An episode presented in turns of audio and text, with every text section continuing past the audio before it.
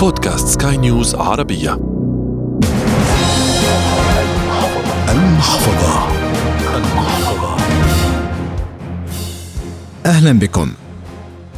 الأزمات والكوارث التي تحدث في العالم تؤثر على الجميع من الناحية المادية، فشهدنا ما حدث من آثار الجائحة، فلم يكن بيت بمعزل عن آثارها. الملايين حول العالم فقدوا دخولهم، وآخرون عانوا الأمرين من تراكم الديون. شركات الأدوية حققت المليارات في الاتجاه المقابل، وشركات المعقمات والكمامات حققت أيضا ارباحا خيالية. وفي الحروب التي حصلت على مدى التاريخ هناك من استفاد وآخرون ماتوا من الجوع والفقر. الحرب اشتعلت بين روسيا وأوكرانيا. كيف سيؤثر ذلك على الأشخاص حول العالم؟ كيف نحمي أنفسنا ماديا؟ والطرق الأفضل التي من الممكن أن تكون طوق النجاة بالنسبة لنا. حلقة جديدة من المحفظة تأتيكم عبر منصة بودكاست سكاي نيوز عربية على أبل جوجل سبوتيفاي وأنغامي معي أنا أحمد الآغا. فكونوا معنا.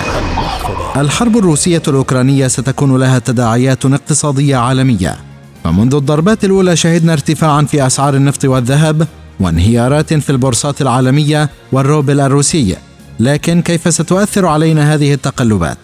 نستضيف في هذه الحلقة دكتور الاقتصاد والقانون بول مرقص بداية أهلا بك دكتور. أهلا وسهلا. كيف تؤثر هذه الحروب علينا من الناحية الاقتصادية؟ طبعا الحروب تعني انهيارا للاقتصاد أو تقهقرا كبيرا.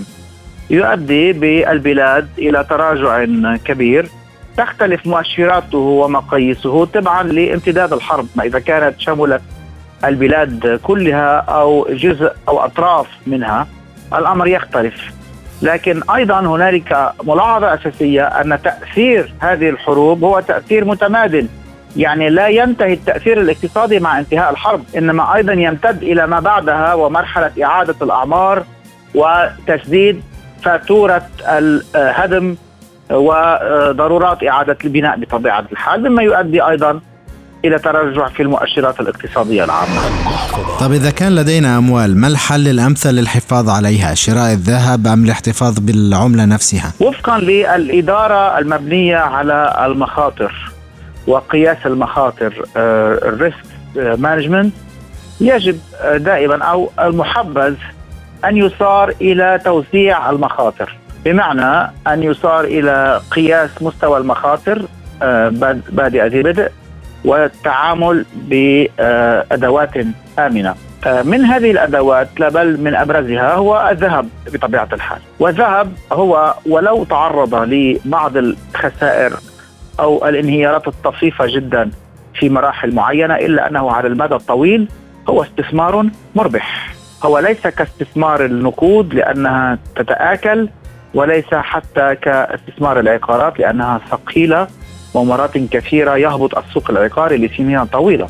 هذا الأمر لا يحدث مع الذهب، الذهب بشكل عام هو مربح لصاحبه على المدى الطويل. وبالتالي تنويع السلة الاستثمارية أمر ضروري يعني ليس فقط في الذهب إنما أيضا في العقارات في المصارف في الأسهم في سواها لكن آه، آه، تع- تع- يعني ال- المقاربة الشاملة في حالة في الحرب حالة الحرب الأفضل. الذهب؟ الذهب هو يعني أبدى وبمعنى أنه آه، يبقى آه، محافظا على آه، ال- القيمة. الملاذ لأن, لأن العملة عادة عندما تنهار مع الحروب إنما يقاس انهيارها أو حتى غدا يعني نماؤها بقياس الذهب. وبالتالي حسب ال- ال- التقديرات التي تعطى للذهب هذا الأمر ينعكس على تسعير العملات.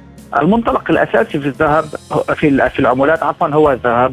ولذلك فهو ملجأ آمن في أوقات الحروب بطبيعة الحال. لكن نعم. حمله إذا كان الاستثمار هو استثمار مادي حمل الذهب هو أمر متعذر بسبب التنقلات مع الهجرة أو مع النزوح أو الهروب من آه، البلاد مع اشتداد المعارك. لكن ال- الاستثمار عموما هو استثمار آمن لا سيما أيضا إذا كان عبر الأدوات المالية العالمية الاستثمارية. يعني لا تحتاج بالضرورة إلى وجود فعلي physical للذهب إنما عبر الاستثمار بواسطة الأدوات المالية. نعم. تمام دكتور. طيب بعض الطرق لمحاولة مجاراة الارتفاعات مثلا غلاء أسعار النفط سينعكس بالطبع على أغلب الأسعار بشكل عام وارتفاع أجور السكن أيضا. نعم هنا التخزين هو أمر ضروري لكنه ليس أمر كاف.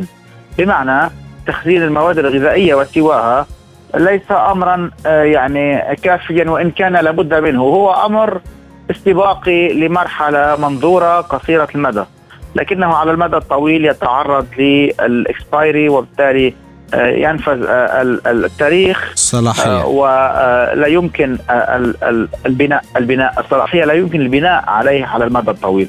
ولذلك فإنه على المدى الطويل يجدر أيضا التفكير في مكان تواجد الشخص.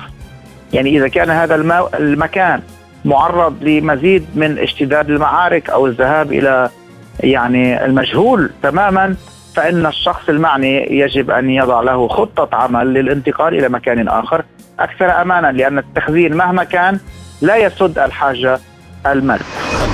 طب حتى في الدول البعيدة عن روسيا وأوكرانيا يعني أوكرانيا تورد القمح روسيا تورد الغاز لمعظم أوروبا 80% من أوروبا. بطبيعة الحال نحن نترقب أمرين أساسيين. أولا تراجع آه، يعني المخزون أو الصادرات آه، على نحو كبير جدا ودراماتيكي من أوكرانيا وإن المصادر البديلة هي مصادر قليلة وشحيحة وغير مهيئة أيضا.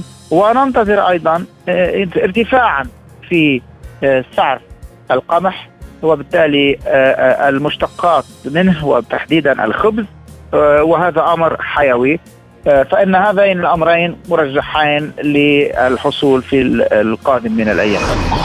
كل الشكر للدكتور بول مرقس دكتور الاقتصاد والقانون. في النهاية أنت أدرى فقرارك بين يديك. إلى هنا تنتهي هذه الحلقة من برنامج المحفظة والتي أتتكم عبر منصة بودكاست سكاي نيوز عربية على أبل جوجل سبوتيفاي وأنغامي. تقبلوا تحيات أحمد الآغا من الإعداد والتقديم وغسان أبو مريم من الإخراج الإذاعي. إلى اللقاء.